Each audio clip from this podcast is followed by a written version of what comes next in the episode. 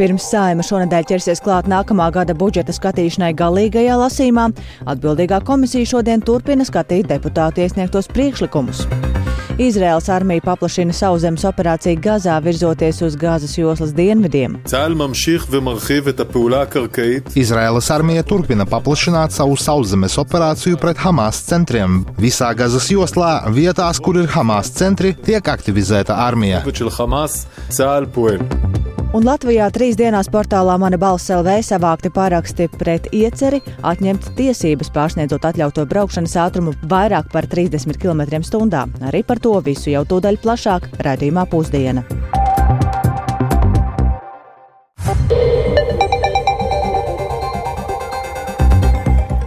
12 un 5 minūtes skanējumu sāk 4. decembra raidījums pusdiena, un tajā plašāk skaidrosim šodien būtisko. Studijā Dāca Pēkšēna. Labdien!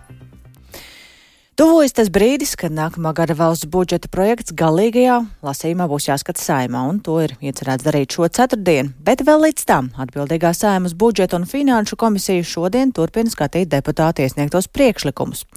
Tajos dažādiem mērķiem prasītais papildu finansējums sasniedz ap 5 miljārdiem eiro, un tos gan neplāno atbalstīt, bet ilgākas debates izvērtās par papildu finansējumu drukātās preses piegādē un salas grīvas tilta pārbūvē. Lai arī opozīcijas deputāta prasītā papildu nauda tam nav paredzēta, bez vajadzīgā finansējuma, tomēr šie konkrētie mērķi nepaliks un par to vairāk visu gatavs stāstīt kolēģis Jānis Kīncis, kurš pievienojas tiešaidē. Sveiks, Jāni! Sveicināti! Jā, budžeta galīgajam lasījumam iesniegto priekšlikumu ir daudz, te jau 300. Un, uh, Gandrīz visus no tiem ir sagatavojuši opozīcijas deputāti.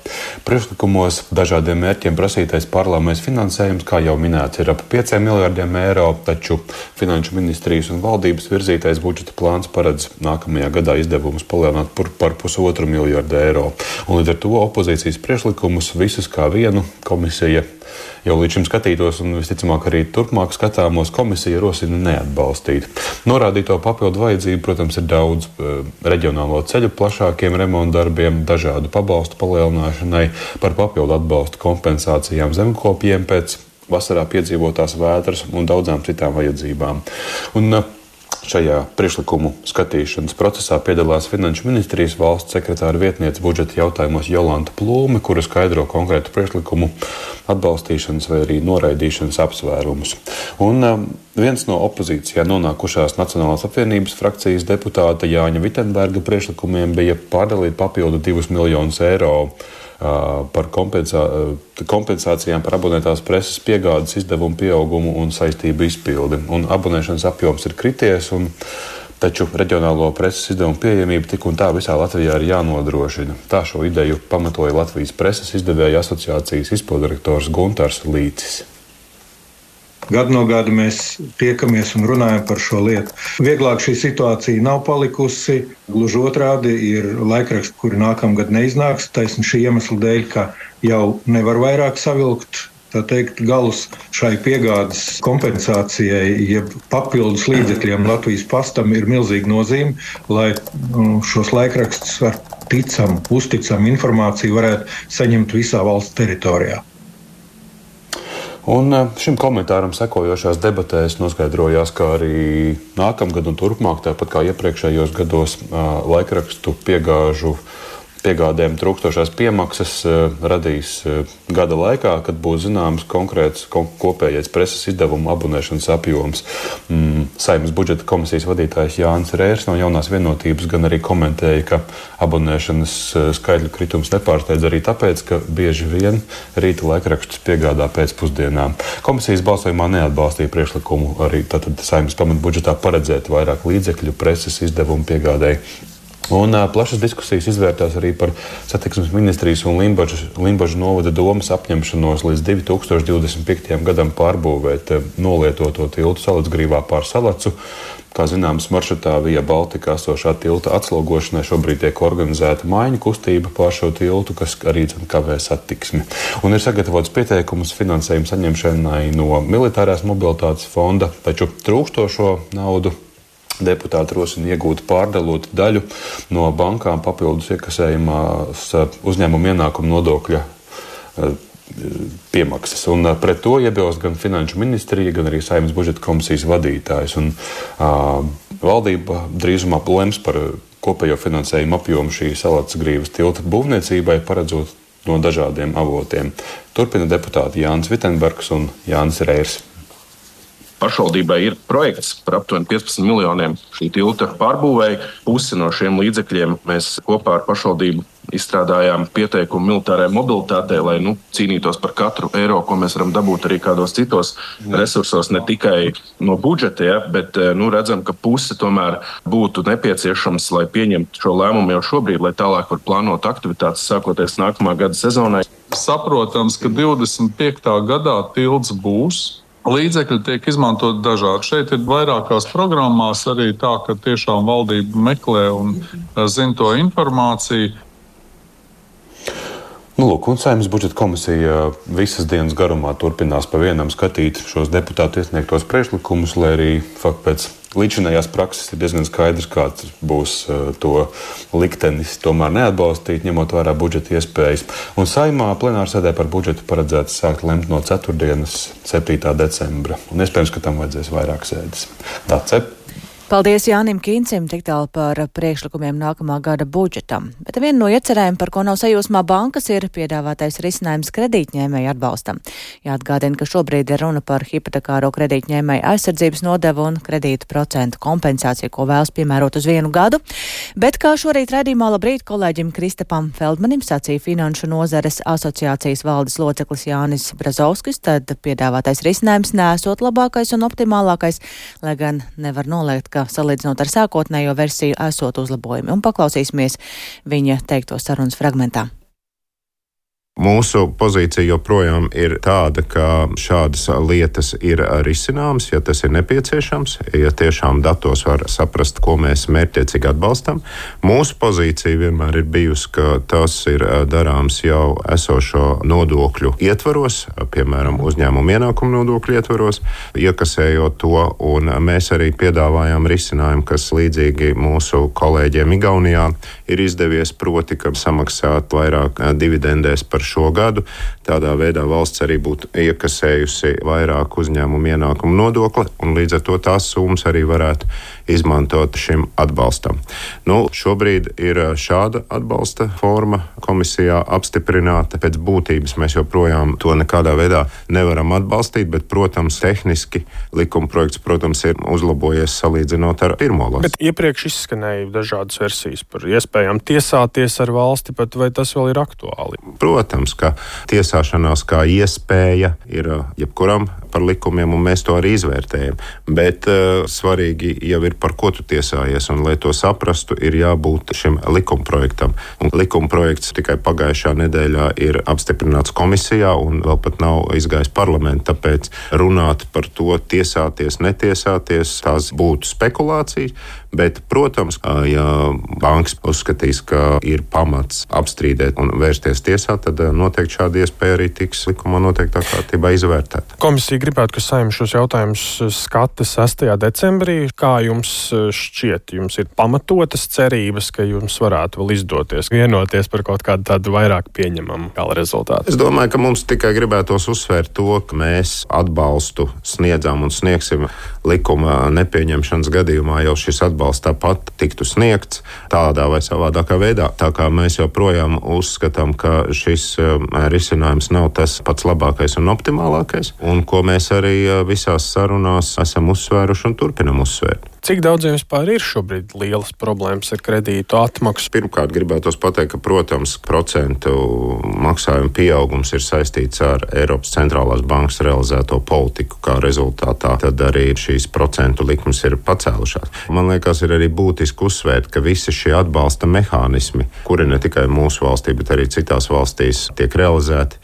nonāk pretrunā ar šo monetāro politiku. Un arī Eiropas centrālā banka ir katrā ziņā signalizējusi, ka šādi atbalsta mehānismi noteikti, nu, kā minimums, paildzinās apstākļus, kādos ir jārealizē pretinflācijas pasākumi. Otra lieta, kas vienmēr ir uztraucoši, ka šādi likuma projekti gan tiek pieņemti it kā uz laiku, kaut vai šis likuma projekts, kas tiek piedāvāts ceturtdienas saimē, lemt ir tikai uz gadu.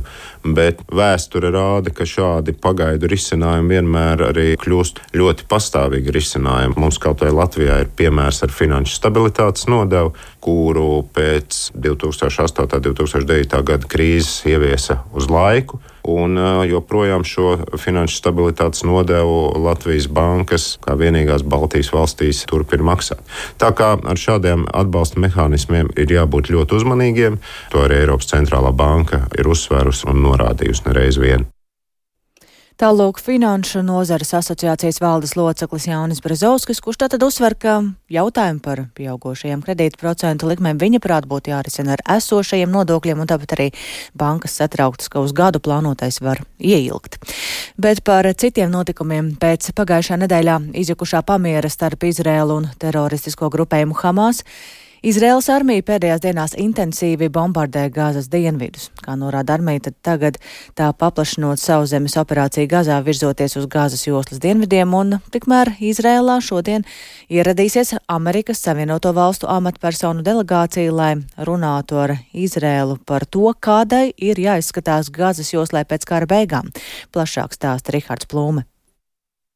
Kaujas Gazas joslā atsākās piekdien pēc nedēļu ilgušās uguns pārtraukšanas. Izrēla norādīja, ka teroristu grupējums Hamas ir pārkāpis uguns pārtraukšanas režīmu, apšaudot tās teritoriju ar raķetēm. Kā apgalvo Izraēlas armija, kopš kara sākuma tā ir iznīcinājusi 500 teroristu tuneļa šahtas, bet kopumā tādas esot atrastas 800. Tāpat armija norāda, ka kopš kara sākuma gaisa spēki ir veikuši aptuveni 10 tūkstošu gaisa triecienu teroristu mērķiem. Pēc trīs dienas ilgušas intensīvas Gazas joslas bombardēšanas Izraēlas armija paziņojusi, ka paplašina operāciju Gazas joslā, aptverot visu tās teritoriju. Turpina Izraēlas armijas runas vīrs Daniels Hagarī. Izraēlas armija turpina paplašināt savu sauszemes operāciju pret Hamas centriem visā Gazas joslā. Visā Gazas joslā vietās, kur ir Hamas centri, tiek aktivizēta armija. Ja līdz šim sauszemes operācija tika īstenota Gazas joslas ziemeļos, tad tagad armija virzās uz joslas dienvidiem. Tiek ziņots, ka sākta sauszemes operācija uz ziemeļiem no Hāņūnisas. Šī pilsēta atrodas Gazas joslas dienvidos, un tajā patvērušies vairāki simti tūkstoši cilvēku, kas iepriekš bēga no kara darbības, kas plosījās joslas ziemeļos. Jau svētdienas rītā Izraēlas armija izdeva evakuācijas rīkojumus vairākos Hāņonisas rajonos, aicinot iedzīvotājus nekavējoties pamest pilsētu. Izraēlas armija uzskata, ka šajā pilsētā slēpjas daļa Hamas vadības. Iedzīvotāji norādījuši, ka bombardēšana dienvidos bijusi īpaši intensīva. To atzīst arī Džeims Selders no ANO bērnu aģentūras UNICEF, kurš pabija slimnīcā Hāņonisā.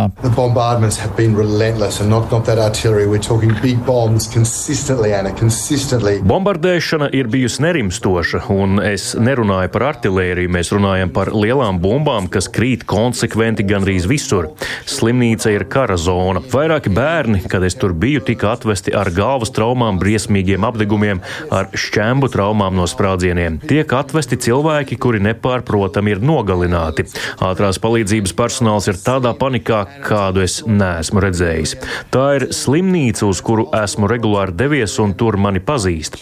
Šie cilvēki satver manu roku vai kreklu un saka, lūdzu, aizvediet mūs kaut kur, kur ir droši. Kur ir droši? Diemžēl viņi uzdod jautājumu, uz kuru vienīgā atbilde ir tāda, ka ne nekur nav droši. Izraēlas armija ir sākusi tiešsaistē publicēt to teritoriju kartes, kurām paredzēts uzbrukt. Šīs kartes kopā ar citiem pasākumiem, piemēram, skrejlapām, brīdinās cilvēkus par evakuāciju. Pēc pamiera beigām un kauju atsākšanās rietumi brīdinājuši Izraēlu, ka tai no kaujas darbībām maksimāli jāpasargā civiliedzīvotāji. Turpina Baltānama pārstāvis Džons Kērbijs.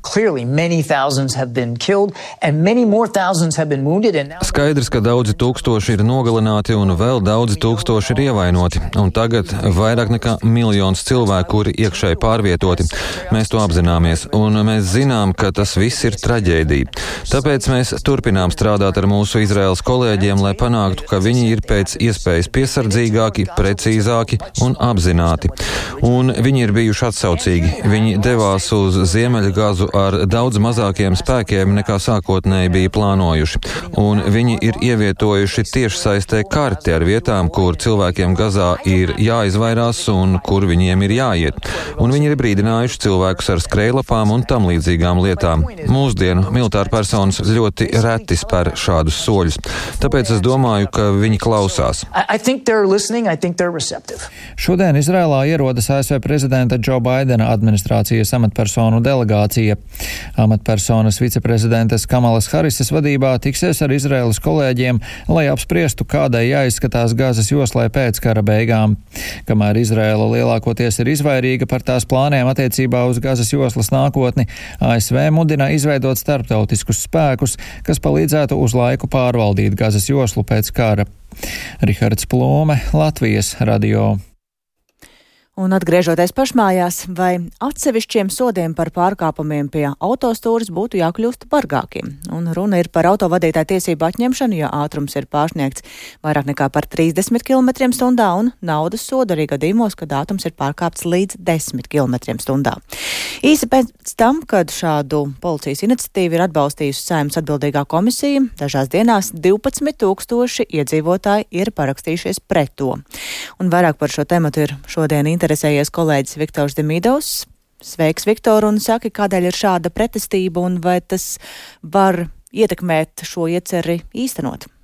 Jā, sveicināti. Nu, pašlaik par atļautā braukšanas ātruma pārkāpšanu no 31 līdz 40 km/h spēkratiem, kuri sver līdz 7,5 tonnām.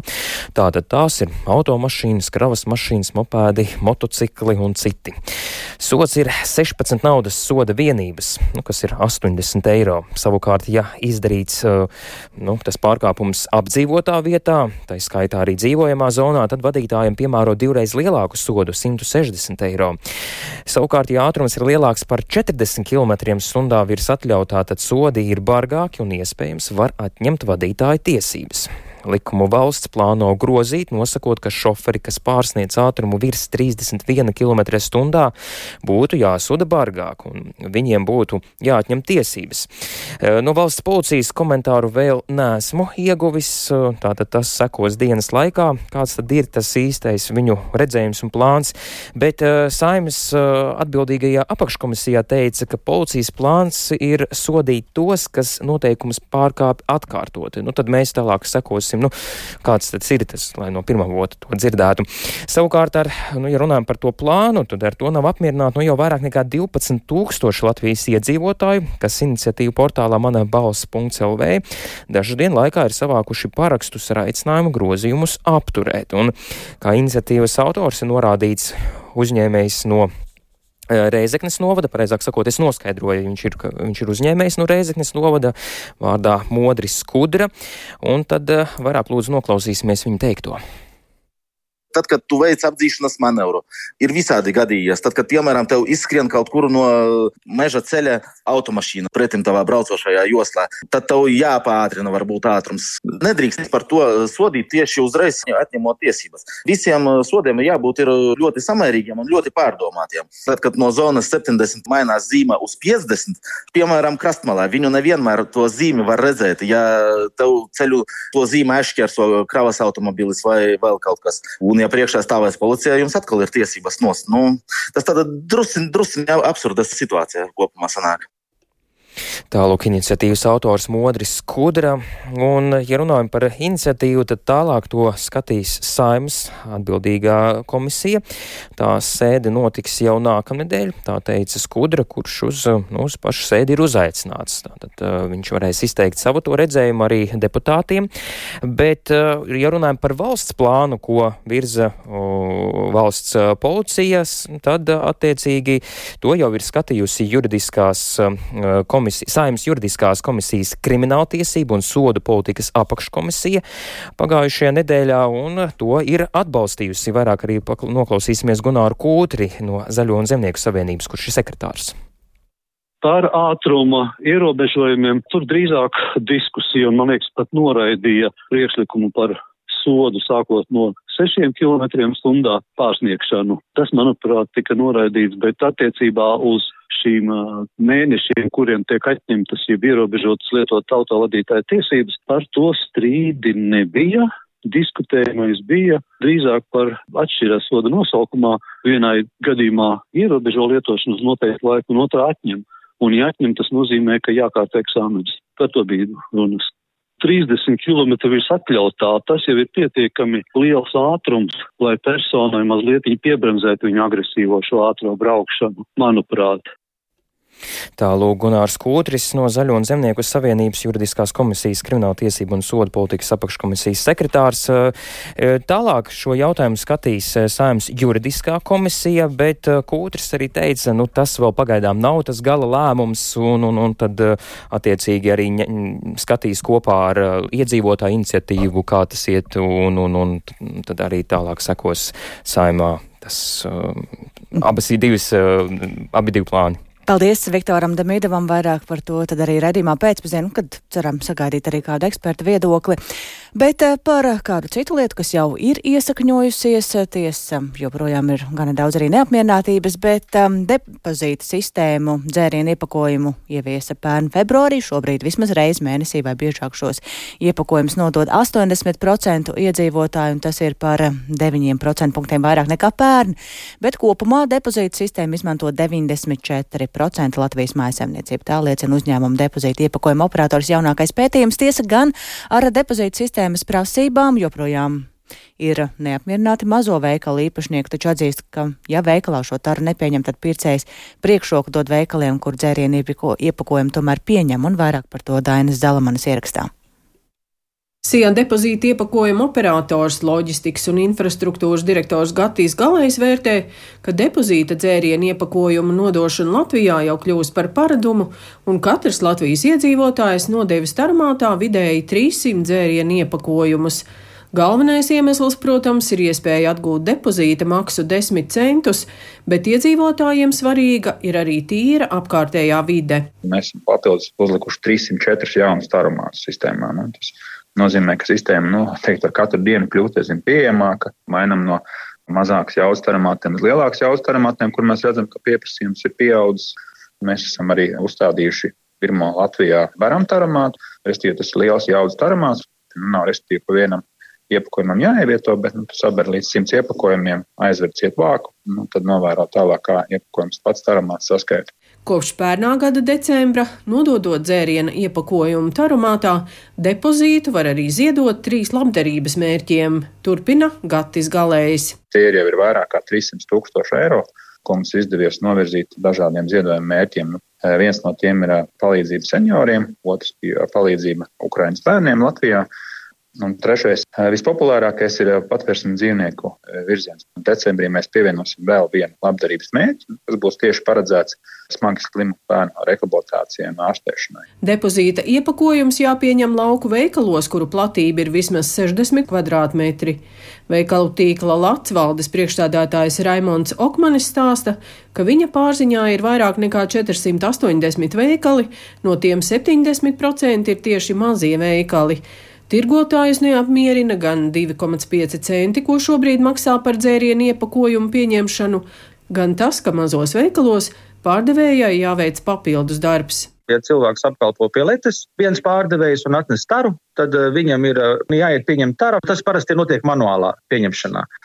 Tas ļoti sarežģīja darbu, eh, uzlika papildus slogu šiem veikaliem un atsevišķi veikali aizvērās ciet tikai dēļ šīs prasības gājām ar priekšlikumu uz varamu palielināt šo obligātās taras pieņemšanas platību veikalos, laukos no 200 kvadrātmetriem. Tas iesniegts bija pie iepriekšējā ministra varamā, un, un, un par to nerunāt, tas nenozīmē, ka tā problēma atrisināt. Vienkārši veikalnieki sakoduši zobus, vismaz latā šo sistēmu izmantojot to savādāk. Ja nepieņemsi taru pēc likuma, tev ir 10 tūkstoši eiro sots. Raimons Okmanis arī stāsta, ka pilsētās mazajiem veikaliem depozīta iepakojums nav jāpieņem, bet iedzīvotāji dzērienu iepakojumu nes uz lielveikaliem, un tā kā čeku par nodoto iepakojumu var atprečot lielveikalā, iedzīvotāji retāk apmeklē mazos veikalus. Līdzīgas tendences novērojas arī SIA depozīta iepakojuma operators loģistikas un infrastruktūras direktors Gatis Galējs, kurš stāsta, ka ir mazie veikali, kas paši piesakās pieņemt depozītu iepakojumus. Teiksim, ja ministrija pieņem, ka eh, šis platības skaits ir lielāks, no kur jāsāk pieņemt, tad šis pakalpojums kļūst ievērojami ierobežots daudziem Latvijas iedzīvotājiem. Laukos principā vairs nevarēs nodot depozītu iepakojumu, jo nu, neviens veikals nepieņems. Nu, šeit ir katram veikalam jāizvērtē, jā, kas viņam ir būtiski. Eiropā ir valstis, piemēram, Somija un Dānija, kur depozīta iepakojums obligāti jāpieņem visiem mazumtirgotājiem, savukārt Zviedrijā un Nīderlandē tirgotāji to dara brīvprātīgi, jo juridiska pienākuma pieņemt tāru nav. Daina Zalamane, Latvijas radio. Un ar to arī izskan raidījums pusdiena. To producēja Lauris Zvēnieks, ierakstus montēja Renārs Šteimanis, par labskaņu rūpējās Rīta Karnača un ar jums sarunājās Dāca Pēkšēna. Uz tikšanos nedaudz vēlāk raidījumā pēcpusdienā.